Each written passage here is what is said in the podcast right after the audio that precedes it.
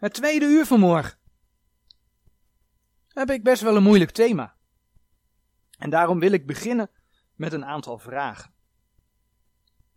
De eerste vraag is: behoort het in de prediking om mijn woorden of om Gods woorden te gaan? Om Gods woorden, ja. 1 Petrus 4, vers 11.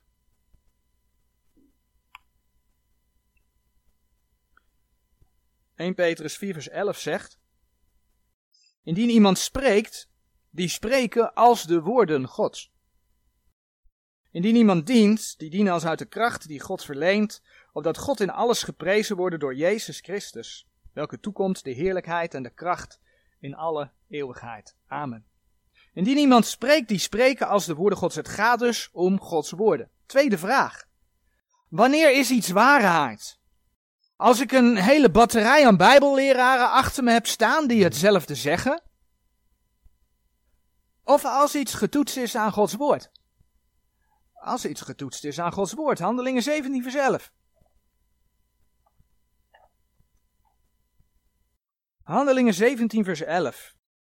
En deze waren edeler dan die te Thessalonica waren, als die het woord ontvingen met alle toegenegenheid, onderzoekende dagelijks de schriften of deze dingen al zo waren.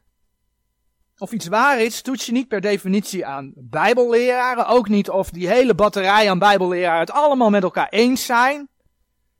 Maar je toetst het aan Gods woord. Gods woord zelf. Bijbelleraren kunnen nog zoveel beweren. We hadden het er voor die tijd al heel even over. Bijvoorbeeld door aan de hand van de moderne woordstudies in de zogenaamde grondteksten te gaan, gaan rommelen en dan te zeggen van ja, maar dit moet je zo niet lezen. Dan gaan ze Gods woord aanpassen. En al doen ze dat allemaal, als je door schrift met schrift vergelijken in de Statenbijbel, het door de Heeren bewaarde woord van God voor Nederland, iets ziet staan wat zij ontkennen. Dan bedoel ik natuurlijk niet de teksten even uit het verband gerukt, nee, schrift met schrift vergelijkend, Gods woord rechtsnijdend, rekening houdend met wat de Heer laat zien over hoe je zijn woord leest. Als je dan ziet, en zij ontkennen het allemaal, dan mag je weten dat zij liegen en dat de schrift gelijk heeft. Johannes 17, vers 17 zegt: Heilig hen in uw waarheid. Uw woord is de waarheid. Laten we Romeinen 3, vers 4 opzoeken. Romeinen 3, vers 4. Dat zij verre, door God zij waarachtig, maar alle mens leugenachtig. Gelijk als geschreven is, opdat gij gerechtvaardigd wordt in uw woorden en overwint wanneer gij oordeelt. Gods woord heeft dus per definitie gelijk. Volgende vraag. Moet de prediker in de verkondiging mensen bij voorbaat het naar het zin gaan maken? Mensen naar de mond te praten? Of moet hij Gods woorden gewoon verkondigen zoals ze zijn? Het blijft heel stil. Zoals ze zijn. 1 Thessalonicense 2 vers 5. Want wij hebben nooit met pluimstrijkende woorden omgegaan, gelijk gij weet, nog met enig bedeksel van gierigheid. God is getuige. Ik heb uh, opgezocht wat pluimstrijken inhoudt. Behalve dan dat dat vleien is, dat wist ik wel. Maar het is mooi om de betekenis daarvan te zien. Pluimstrijken, dat komt van de pluimen, de pluisjes van iemands kleding strijken. dus als je graag bij iemand in een goed blaadje wil komen en je ziet dat hij pluisjes op zijn jas hebt, de directeur bijvoorbeeld, dan veeg je even die pluisjes weg, zodat hij goed voor de dag kan komen. Dat is ongevraagde dienst te bewijzen. Staat gelijk aan, ja, een vorm van laffe complimenten maken. Iemand op onderdanige wijze vleien. Pluimstrijkende woorden zijn dus vleiende woorden, zodat je maar aardig gevonden wordt. Dat is het. En dan blijkt dus, als je dit vers leest, dat het niet de bedoeling is dat de prediker zich zo gaat opstellen dat hij maar aardig gevonden gaat worden. Nee, Gods woord moet verkondigd worden. Dat is de bedoeling. Of mensen het nou leuk vinden of niet. Ik denk dat we daar allemaal, hè, want dit zit door de hele verkondiging heen natuurlijk, dat we daar allemaal ook amen op zeggen. Enige jaren geleden heb ik over een onderwerp gesproken waar ik toen best veel kritiek op heb gehad. En toen zijn daar Zelfs ook enkele mensen door weggegaan. Ik werd liefdeloos genoemd. En waar ging het om? Nou komt de volgende dia. Het ging erom dat ik toen heb laten zien dat God haat. En specifiek dat ik heb laten zien dat God de goddeloze haat.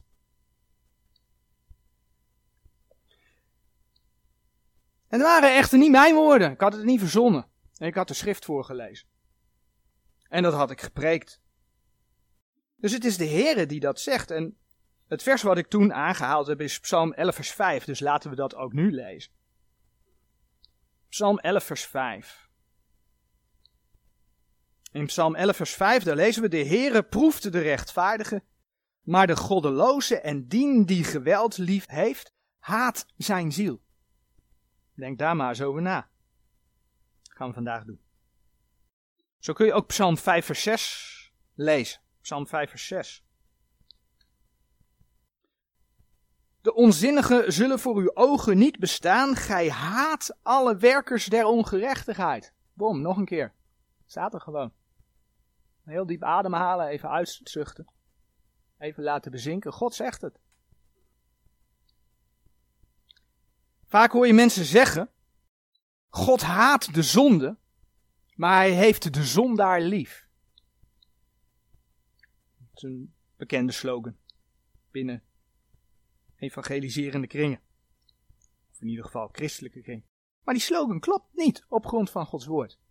Klopt niet. God haat de gondelozen.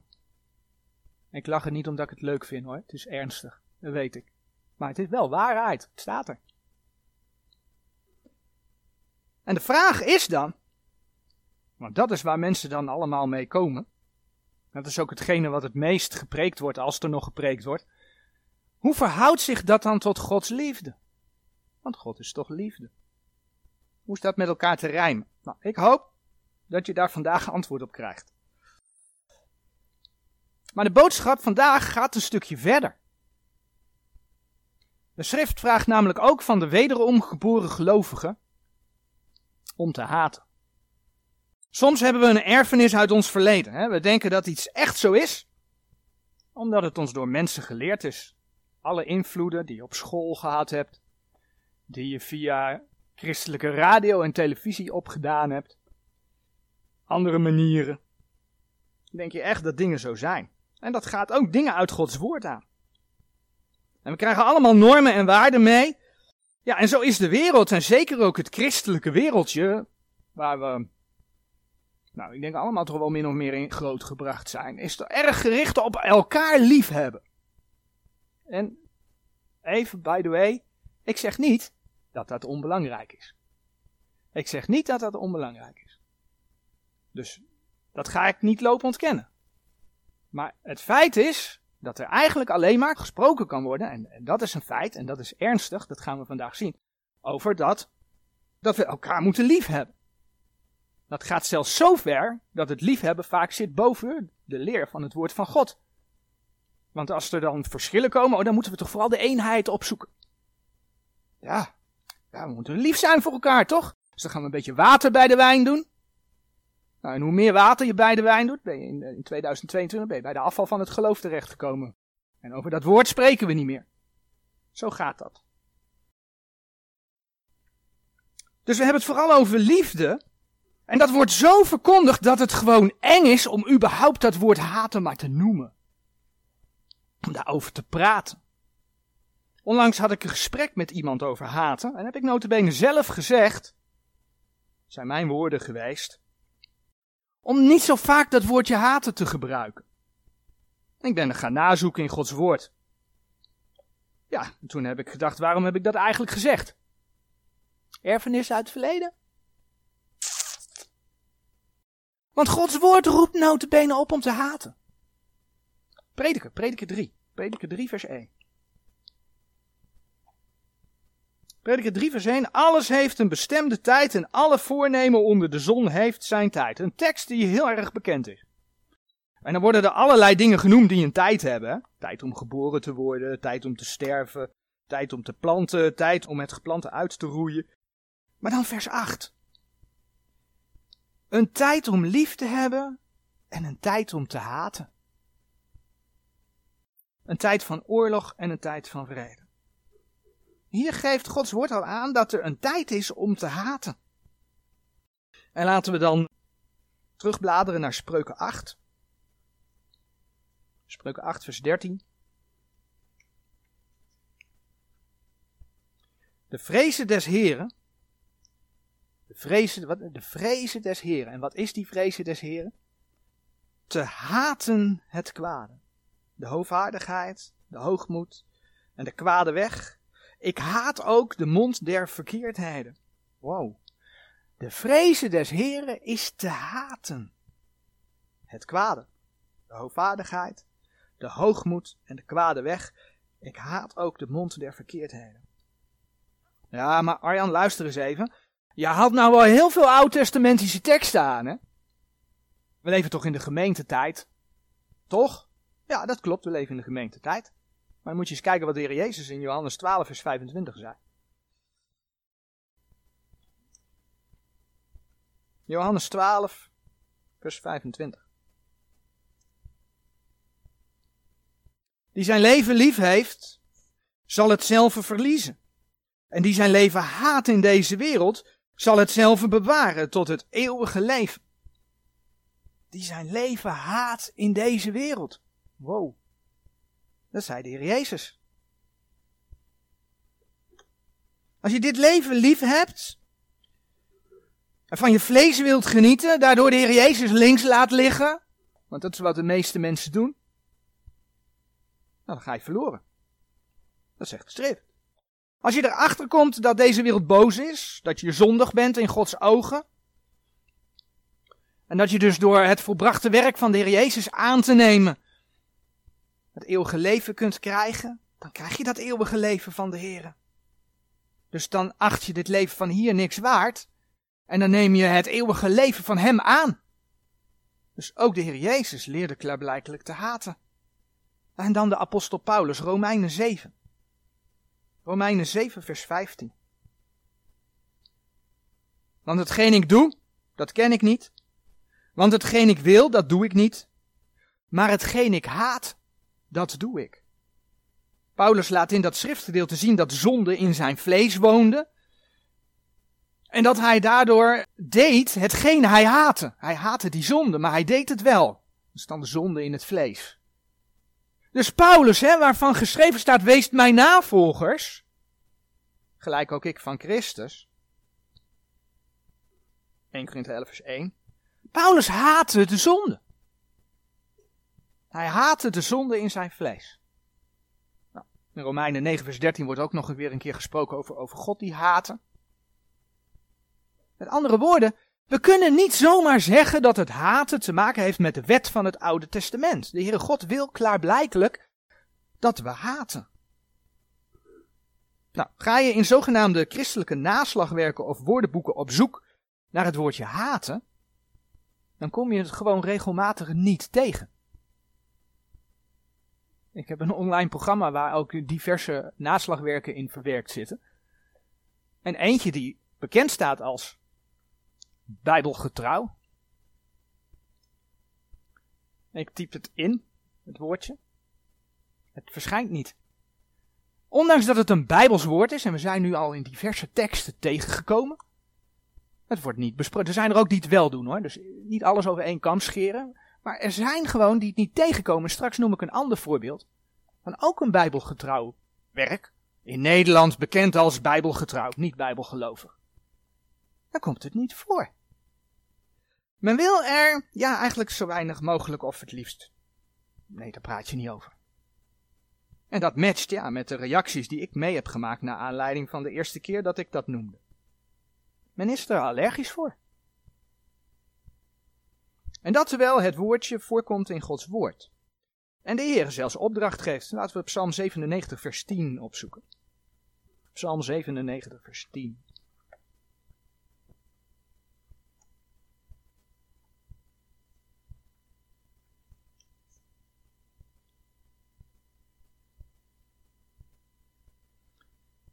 Gij liefhebbers des Heren, haat het kwade. Hij bewaart de zielen zijner gunstgenoten, hij redt hen uit der goddeloze hand. Gij liefhebbers des Heren haat. Daar staat gewoon opdracht. Als je God lief hebt, heb je te haten. Wat haat je? Het kwade. Ja, maar je haat wel. Dan is het wel heel vreemd hè, als zo'n opdracht daar staat, dat een Bijbels woordenboek dat woord niet wil omschrijven. Want het behoort zelfs tot de opdrachten. We worden niet alleen door het NOS-journaal gemanipuleerd, maar het christelijke wereldje, niet voor niks afval van geloof. Wordt trouwens ook nog ontkend hè, dat er afval van geloof is in deze laatste dagen. Zou niet in de Bijbel staan. Maar goed. In het christelijke wereldje, daar vindt zoveel manipulatie plaats. Men accepteert het woord niet. Men accepteert het woord niet. Laten we eens kijken wat haten in Gods woord inhoudt. Als je gewoon op zoek gaat naar een definitie van haten, ik heb gewoon in het woordenboek gekeken, dan zie je dat haten is een, een sterke afkeer hebben van iets of iemand. En haten is ook een gevoel van wrok of vijandschap tegen iemand hebben. Komt uit het woordenboek. Dus een sterke afkeer hebben van iets of iemand, of een gevoel van wrok of vijandschap hebben tegen iemand. We zullen zien dat de bijbelse haat, die de Heer ons opdraagt, te maken heeft met het hebben van een sterke afkeer van iets of iemand. Maar zodra je te maken gaat krijgen met gevoelens van wrok, en je wilt gaan wreken, dan is er iets niet goed. Dat blijkt uit het feit dat haat namelijk niet alleen een opdracht is, maar haat, de andere vorm daarvan, behoort ook tot de werken van het vlees. En daar gaan we een voorbeeld van opzoeken. En ja, de werken van het vlees, daar worden we juist toe opgeroepen om die af te leggen. Titus 3. Titus 3. In Titus 3, vers 1, daar zie je dat Paulus Titus oproept om de mensen te vermanen. Dus mensen moeten vermaand worden en dan zegt hij in Titus 3, vers 3 het volgende. Titus 3, vers 3. Want ook wij waren eertijds onwijs, ongehoorzaam, dwalende, menigerlei begeerlijkheden en wellusten dienende, in boosheid en nijdigheid levende, hatelijk zijnde en elkander hatende. Juist de wereld die leeft onder het mom van het recht van de sterkste, die is hatelijk naar elkaar. Nou, en in de Bijbel kom je daar meerdere voorbeelden van tegen hoor. Even kijken, Spreuken 10 vers 12 kun je dat vinden, Spreuken 26 vers 24, Psalm 25 vers 19, Matthäus 24 vers 10, Matthäus 24 vers 10 laat ook juist zien dat de mensen hatelijk worden in de eindtijd. Vaak zie je dat er allerlei situaties zijn dat mensen elkaar het licht in de ogen niet gunnen. Je ziet het zeker ook uh, in de politiek, met oorlogen en dergelijke, leiders van volken die, die minderheden uitroeien en ga maar door. Maar ook dichterbij zie je geregeld dat mensen in haat en nijd leven. Nou, Titus 3, vers 3 spreekt dan ook over boosheid en nijdigheid in combinatie met dat haat. En dan, dan hebben we toch echt, zoals Efeze 5, vers 19 tot en met 21 ook laat zien, dan hebben we het over de werken van het vlees de werken van het vlees. En die behoren we af te leggen als we iets terugbladeren naar Colossense 3 vers 8. Colossense 3 vers 8. Maar nu legt ook gij dit alles af, namelijk gramschap, toornigheid, kwaadheid, lastering, vuilspreken uit uw mond. Legt het af. Efeze 4 vers 31 kun je er ook bij opzoeken. En al helemaal, hè, haat wordt natuurlijk vaak ook in verbinding gebracht met strijd, met vechten, met geweld. Al helemaal het bestrijden van iets waar wij boos over zijn of zo. Bestrijden met een, vorm van wapens of iets dergelijks op een andere manier, is niet wat de Heer wil.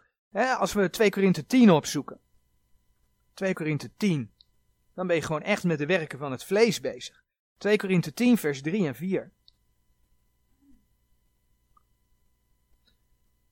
Want wandelende in het vlees voeren wij de krijg niet naar het vlees. Want de wapenen van onze krijg zijn niet vleeselijk, maar krachtig door God tot nederwerping der sterkte. Efeze 6 spreekt niet voor niets over de geestelijke wapenrusting. Die we geheel moeten aandoen.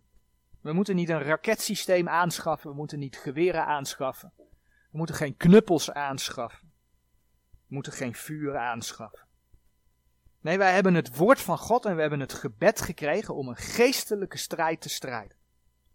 Dat zijn onze wapenen. En dan zegt de Heer ook nog, Romeinen 12, vers 19, dat ons de wraak niet toekomt. Dat komt de Heere toe. Romeinen 12, vers 19. Wreekt u zelf niet, beminde, maar geeft de toren plaats. Want er is geschreven, mij komt de wraken toe, ik zal het vergelden, zegt de Heer. En zo zien we dat we haat die te maken heeft met wrok, met nijdigheid, met boosheid, met kwaadheid, met toornigheid, dat behoren we af te leggen. Dat zijn de werken van het vlees. Zoveel mag duidelijk zijn. En toch, toch zegt de Heere zelf te haten. En zijn kinderen geeft hij ook de opdracht om te haten. We hebben net Psalm 97, vers 10 als voorbeeld gezien. Hoe kan dat? Nou, als we de wrok, de boosheid, de nijdigheid, als we die hebben weggestreept, dan blijft dus over het hebben van een sterke afkeer van iets of iemand. Daar zou je ook de vijandschap nog bij kunnen noemen. Dat kan een vijandschap zijn. Alleen dat moet zich niet uiten in, in, in vleeselijke dingen. Maar het gaat om een sterke afkeer hebben van iets of iemand. Dat blijft over. Daar worden we toe opgeroepen. Laten we bij de Heer zelf beginnen. We lazen in Psalm 11, vers 5 dat de Heere de goddeloze en dien die geweld lief heeft haat. Dat was Psalm 11, vers 5 dat we dat gelezen hebben. Maar hoe kan dat dan? Hè? Want God is toch liefde? Ja, dat klopt. Hè? 1 Johannes 4, vers 8 zegt dat zelfs heel letterlijk. Als je dat wil opzoeken, 1 Johannes 4, vers 8 zegt: God is liefde. Dat klopt. De Heere God, als we naar Psalm 11, vers 7 bladeren. De Heere God spreekt in Psalm 11, vers 7 over zijn aangezicht aanschouwt de oprechte. Psalm 11, vers 7, want de Heer is rechtvaardig, hij heeft gerechtigheden lief, zijn aangezicht aanschouwt de oprechte. Als je dan uh, Spreuken 8, vers 17 erbij pakt. Dan zegt de Heer wie hij lief heeft in dat vers. Ik vind het zelf een hele mooie. Spreuken 8, vers 17. Ik heb lief die mij lief hebben. En die mij vroeg zoeken, zullen mij vinden. Ik heb lief die mij lief hebben.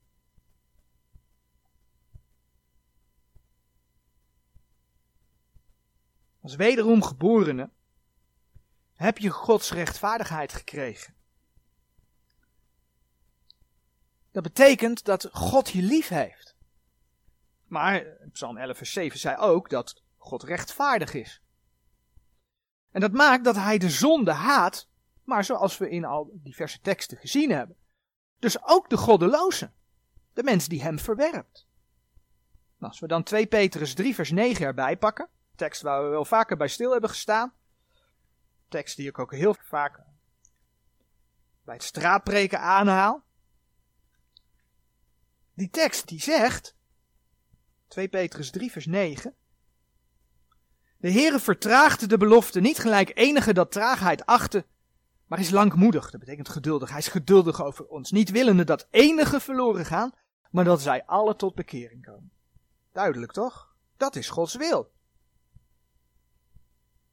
Nou, als je dan Romeinen 5 erbij pakt, ik ga de versen niet voorlezen, dat hebben we al veel vaker gedaan, maar dan kun je meekijken dat het klopt wat ik zeg. Ik ga wat dingen noemen en dan zal ik verwijzen naar de versen, Romeinen 5 vers 8 tot en met 10. God ziet de mens die vijandig is, die ziet hij. De mens die hem vijandig is. Kijk maar in vers 10 van Romeinen 5. Daar staat toch echt dat de mens van nature hem vijandig is. Dat is dus de mens die hem van nature haat. Maar God weet wel dat het bij die mens, die God haat, vanuit de mens naar God toe, hè, dat het om een ziel gaat die verloren gaat. Dat weet de Heer.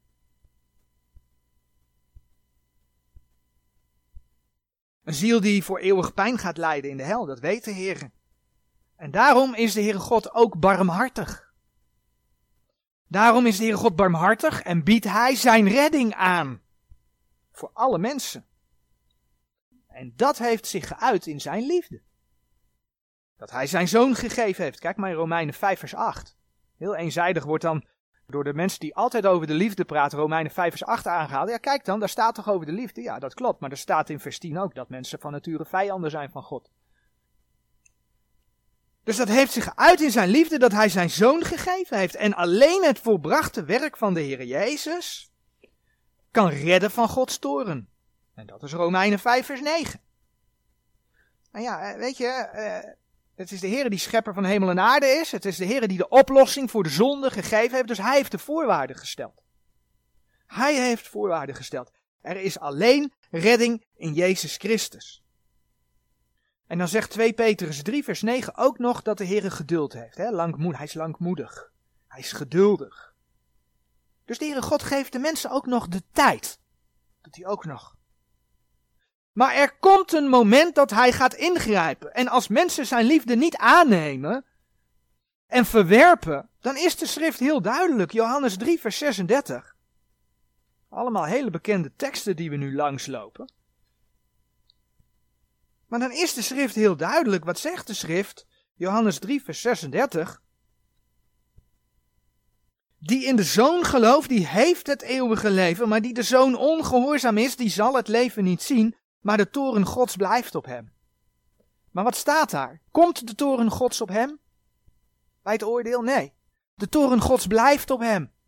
Met andere woorden, iemand die de Heer niet kent, daar is de toren van God al op. Hoezo heeft God die lief?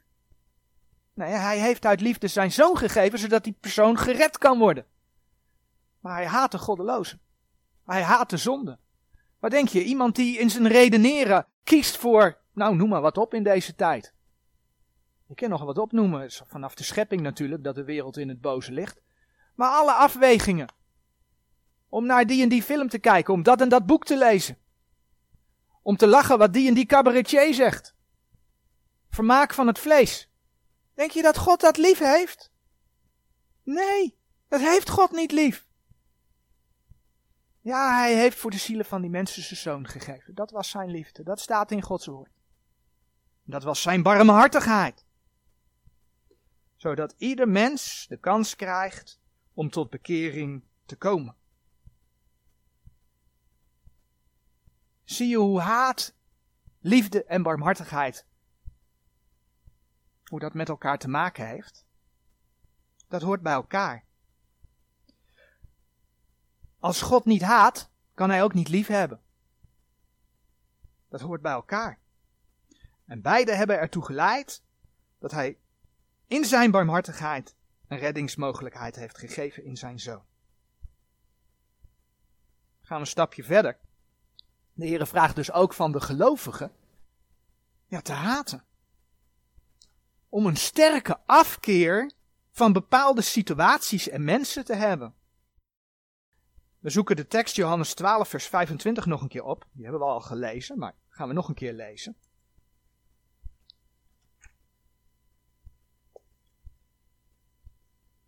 Johannes 12, vers 25. Die zijn leven lief heeft, zal het zelf eh, verliezen.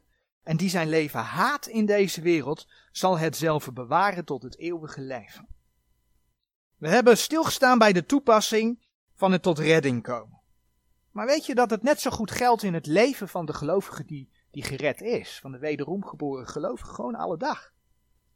Een tijdje terug stonden we bij, stil bij het thema aansporingen in het christelijk leven. En de centrale vraag toen was of je gericht bent op de dingen van, ja, in dit leven. op aarde hier? Of ben je gericht op de dingen die boven zijn? Daar hebben we toen bij stilgestaan. Houd je je leven hier op aarde voor dood, zodat je gericht kunt zijn op het eeuwige leven? Vorige week stonden we stil bij het thema: zet je jouw koningschap op het spel. Het ging over het bedwingen van je vlees, over het voor dood houden van je vlees, zodat je tot eer van de Here kunt leven, om loon en kroon te ontvangen. Leef je voor je ik, of leef je voor de Here? Heb een sterke afkeer van je vlees. Haat je vlees. Zodat je tot eer van de Here kunt leven. In de geschiedenis van Israël maakte de Heere duidelijk dat hij niet wilde dat het volk zich ging vermengen met de volken van Canaan. De Heere had een gruwel aan hun gebruiken, bijvoorbeeld de kinderoffers ja, aan Baal. En als zij zich zouden vermengen, had hij gewaarschuwd dat ze ook die gebruiken zouden gaan overnemen. Ja, en dat is gebeurd ook. We kennen de geschiedenis uit Gods woord. Nou, de waarschuwingen vind je in Deuteronomium 7, vers 3, vers 4, vers 25 en vers 26. Het is exact zo gegaan. En dan begrijpen we dat de Heer in Psalm 97, vers 10 zegt: Gij liefhebbers des Heren, haat het kwade. Ja, dat sluit aan bij het vorige wat we besproken hebben. Haat hetgeen dat God haat. Houd je er verre van. Haat de zonde, zoals Paulus. Die tekst hebben we ook gelezen. Romeinen 7 vers 15 laat zien dat hij de zonde in zijn vlees haatte. Romeinen 7 vers 15. Want hetgeen ik doe, dat ken ik niet. Want hetgeen ik wil, dat doe ik niet. Maar hetgeen ik haat, dat doe ik. Paulus had strijd met hetgeen hij haatte in zijn vlees. Nog een vers die we al eerder gezien hebben. We komen hem nu meer in de toepassing tegen. Spreuken 8 vers 13.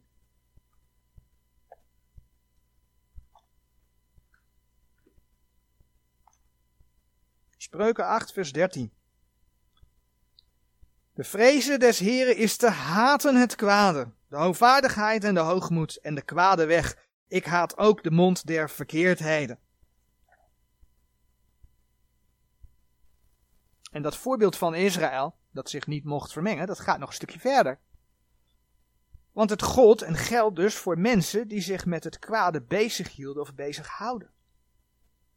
Israël mocht zich niet met de andere volken vermengen. Ja, en dat is in de gemeentetijd niet anders. Kijk maar in 2 Korinthe 6.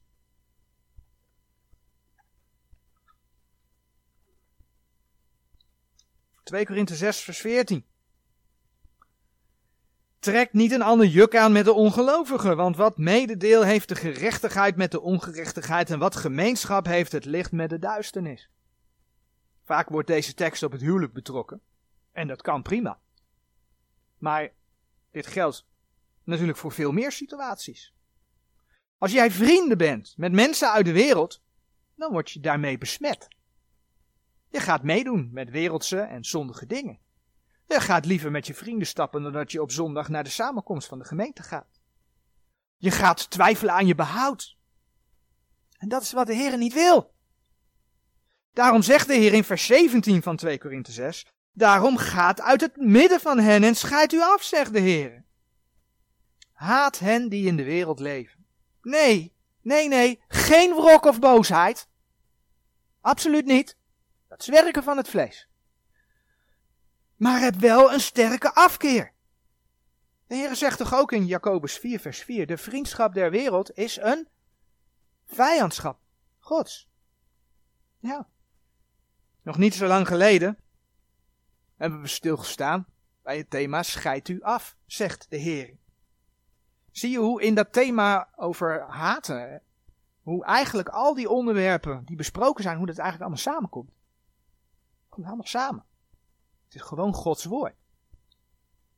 Nou, zonde is een heel breed begrip. Op diverse plaatsen zien we dat de Heer vraagt om specifieke zaken te haten. Liegen bijvoorbeeld. Spreuken 13 vers 5.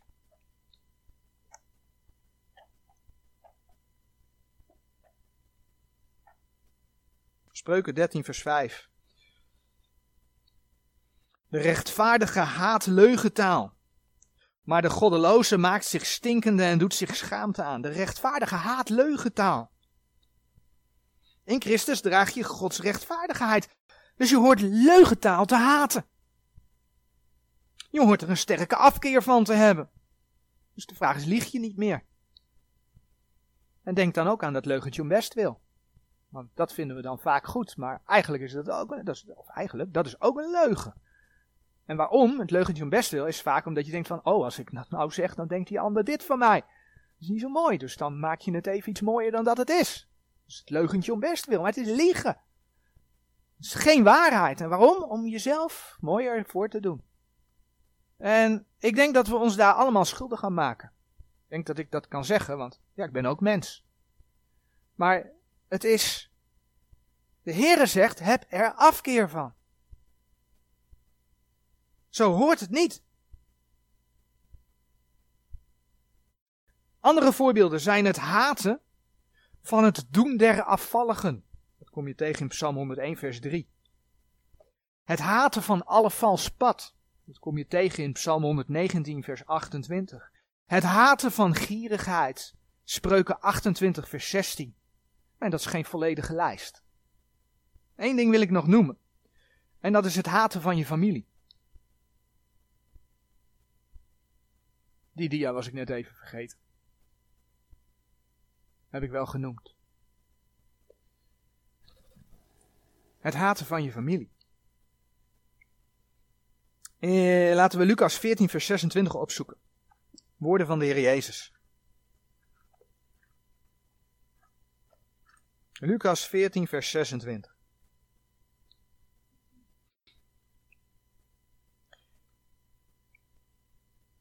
Indien iemand tot mij komt en niet haat zijn vader en moeder, en vrouw en kinderen, en broeders en zusters, ja ook zelfs zijn eigen leven, die kan mijn discipel niet zijn. Dat is duidelijke taal. Maar het is goed om te beseffen dat deze opmerking, dat die nog onder de wet gemaakt is. Dit is voor het kruis. Voor het kruis van de Heer Jezus. De wet was daar nog in werking. De Heer Jezus sprak het Joodse volk aan. Paulus laat op diverse plekken zien, Efeze 6 vers 1 en 2, Efeze 5 vers 25, Titus 2 vers 4, dat we wel degelijk onze familie moeten liefhebben. Ouders naar kinderen, man naar de vrouw, andersom, kinderen naar hun ouders. Echt wel. Nou, ik ga niet. Er is ook nog een voorbeeld uit het Oude Testament waarin je ziet dat mensen wel degelijk ja, een vorm van haat, hè, een vorm van sterke afkeer hebben, waarop dat in de praktijk gebracht werd, maar dan gaat het nu te lang duren. Maar je kunt het geestelijk wel degelijk toepassen op de gemeente. En dan heeft dat inderdaad te maken met, de heer Jezus zei, kun je mijn discipel niet zijn, heeft met discipelschap te maken. En de toepassing daarvan is wel mooi om dan Matthäus 10 vers 37 te lezen. Matthäus 10 vers 37.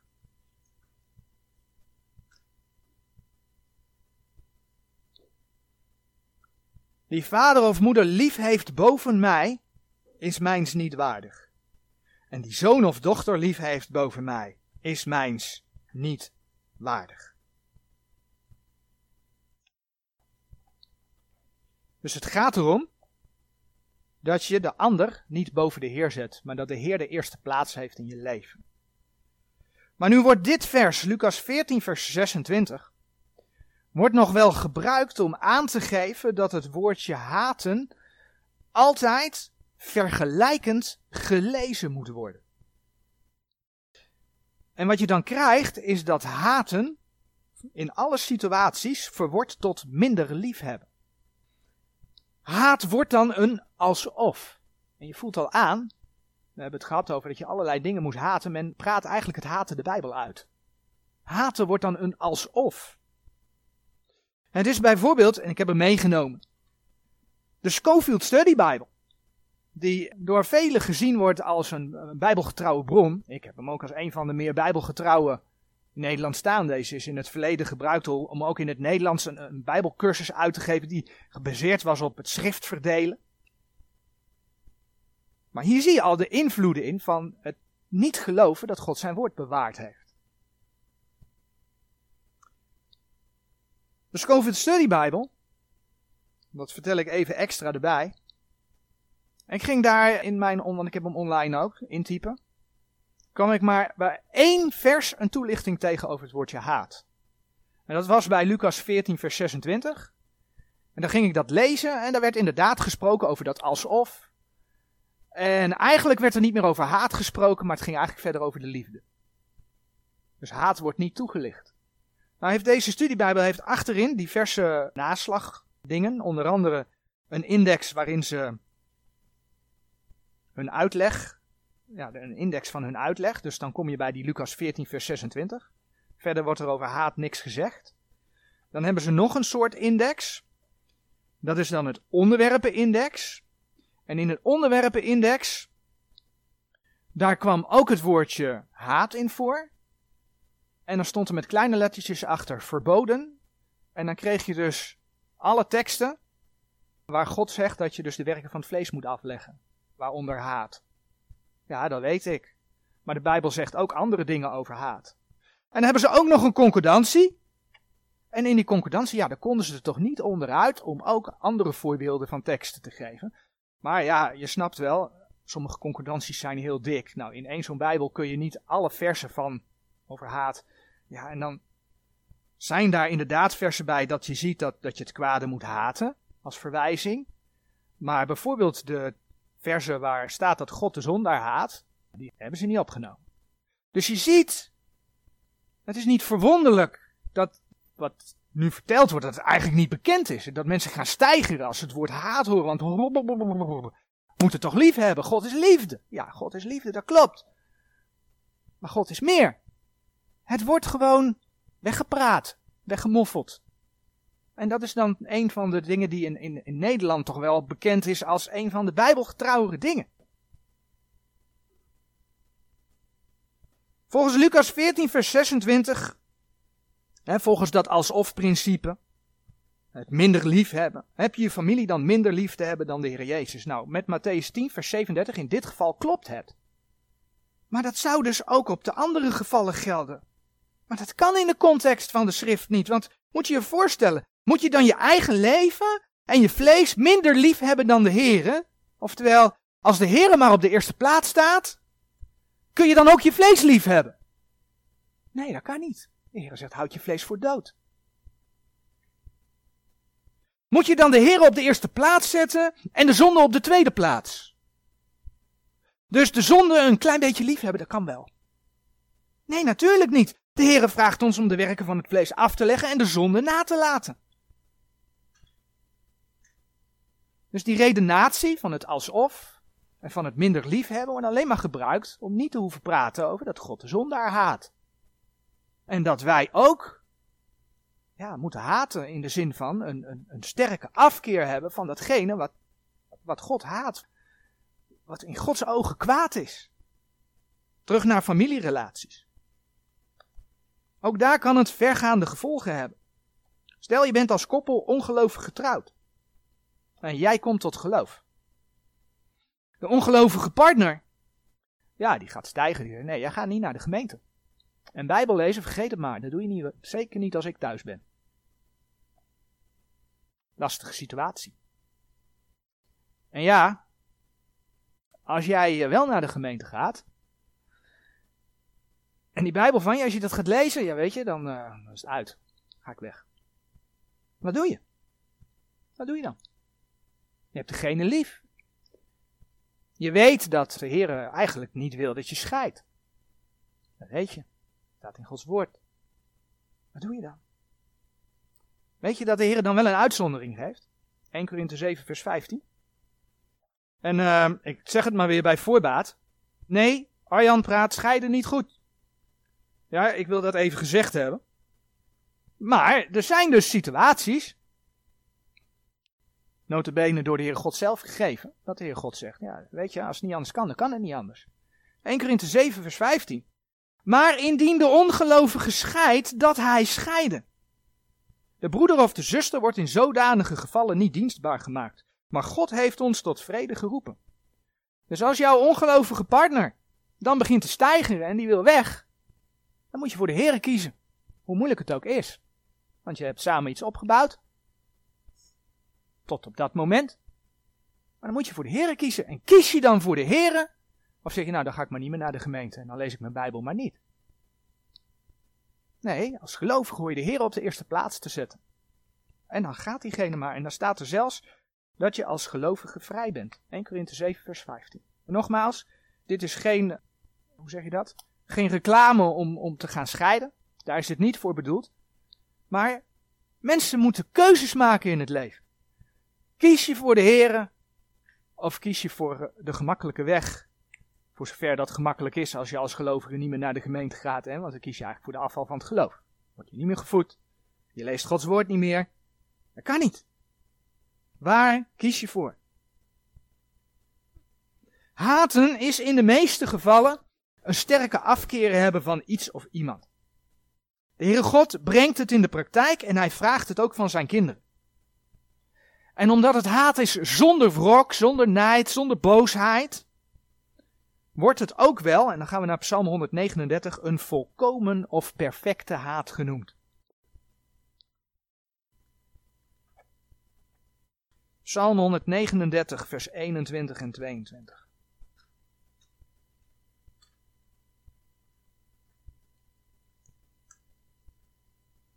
Daar lezen we. Zou ik niet haten, heren, die u haten? En verdriet hebben in degenen die tegen u opstaan? Ik haat hen met volkomen haat. Tot vijanden zijn zij mij. Nou, als je dat iemand van de wereld laat lezen, dan denkt hij natuurlijk, oh, volkomen haat, raketsysteem, zwaarden, bijlen, knuppels. Nee, dat hebben we afgelegd, dat is het vlees. Volkomen haat betekent dat het volkomen is, zonder dat alles. Maar je hebt er een afkeer van. Wat deed de Heer voor zijn vijanden namelijk? De Heer stierf voor zijn vijanden, de Heer had barmhartigheid met zijn vijanden. Hij gaf uit barmhartigheid zijn leven voor hen. En dat is wat de Heer van zijn kinderen vraagt. Onze wapenen zijn niet van het vlees. Onze wapenen zijn het woord, onze wapenen zijn het gebed. Onze voeten om te gaan. En dan zegt de Heer in Romeinen 12, vers 18. Vers 19 hebben we al een keer gelezen, maar we gaan nu de context eromheen lezen. Romeinen 12.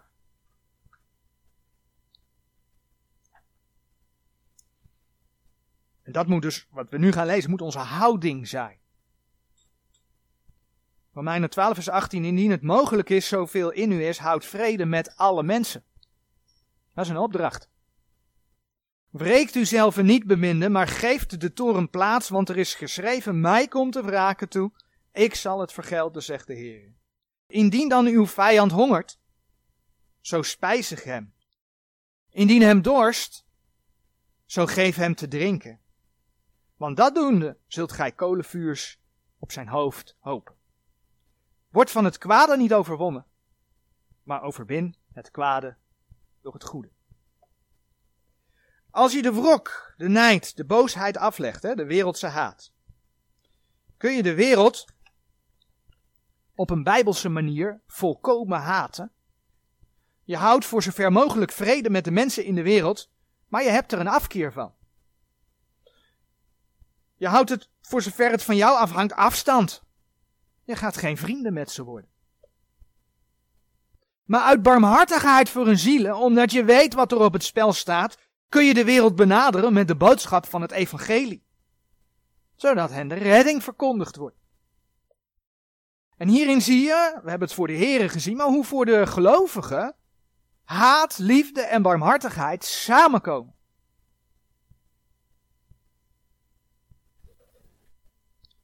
de vragen van het begin nog een keer.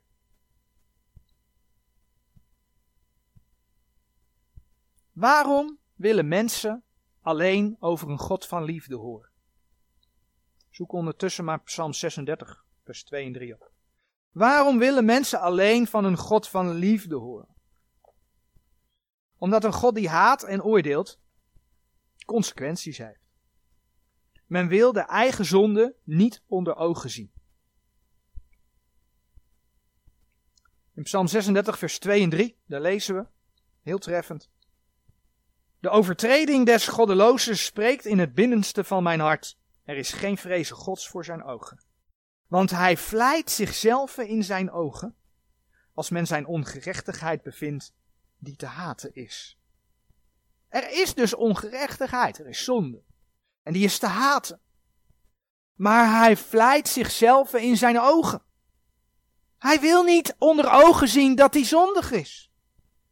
Nou, dat is de reden waarom er alleen over een God van liefde gesproken mag worden. De vraag is verder waarom de haat van God en het feit dat de gelovige opgeroepen wordt om te haten, om een sterke afkeer te hebben van diverse dingen en personen, waarom dat niet genoemd mag worden. We hebben het zelf met eigen ogen gezien, je hebt meegelezen. Het zijn Gods woorden die daarover spreken. En het past binnen wie God is. Het past binnen zijn plan. Weet je, als je dit niet accepteert, dan moet je je afvragen wat de reden is. Is de reden omdat je altijd anders voorgehouden is? Want dat kan, hè? Dat heeft invloed. We hebben een rugzakje soms. Allerlei dingen erin van het verleden, ooit is gehoord, is blijven hangen. En dan ga je Gods woord lezen en dan kom je erachter, hoeps, is toch een beetje anders. En soms heb je Gods woord tig keer gelezen. En dan heb je toch net die ene keer nog even nodig om het toch nog even duidelijk te krijgen. Of, en ik denk dat dat veel al speelt, zeker daar waar je ziet dat in theologie hier gewoon omheen gewerkt wordt. Bijbelleraars en zo. Theologie is zo'n afstandelijk woord. Of is de reden dat je je leven hier op aarde, dat je je vlees, dat je je zonde niet kunt loslaten. Dat je die niet voor dood kunt houden. Want ja, wees eerlijk, dat woordje haten, dat benadrukt wel heel sterk hoe God erover denkt.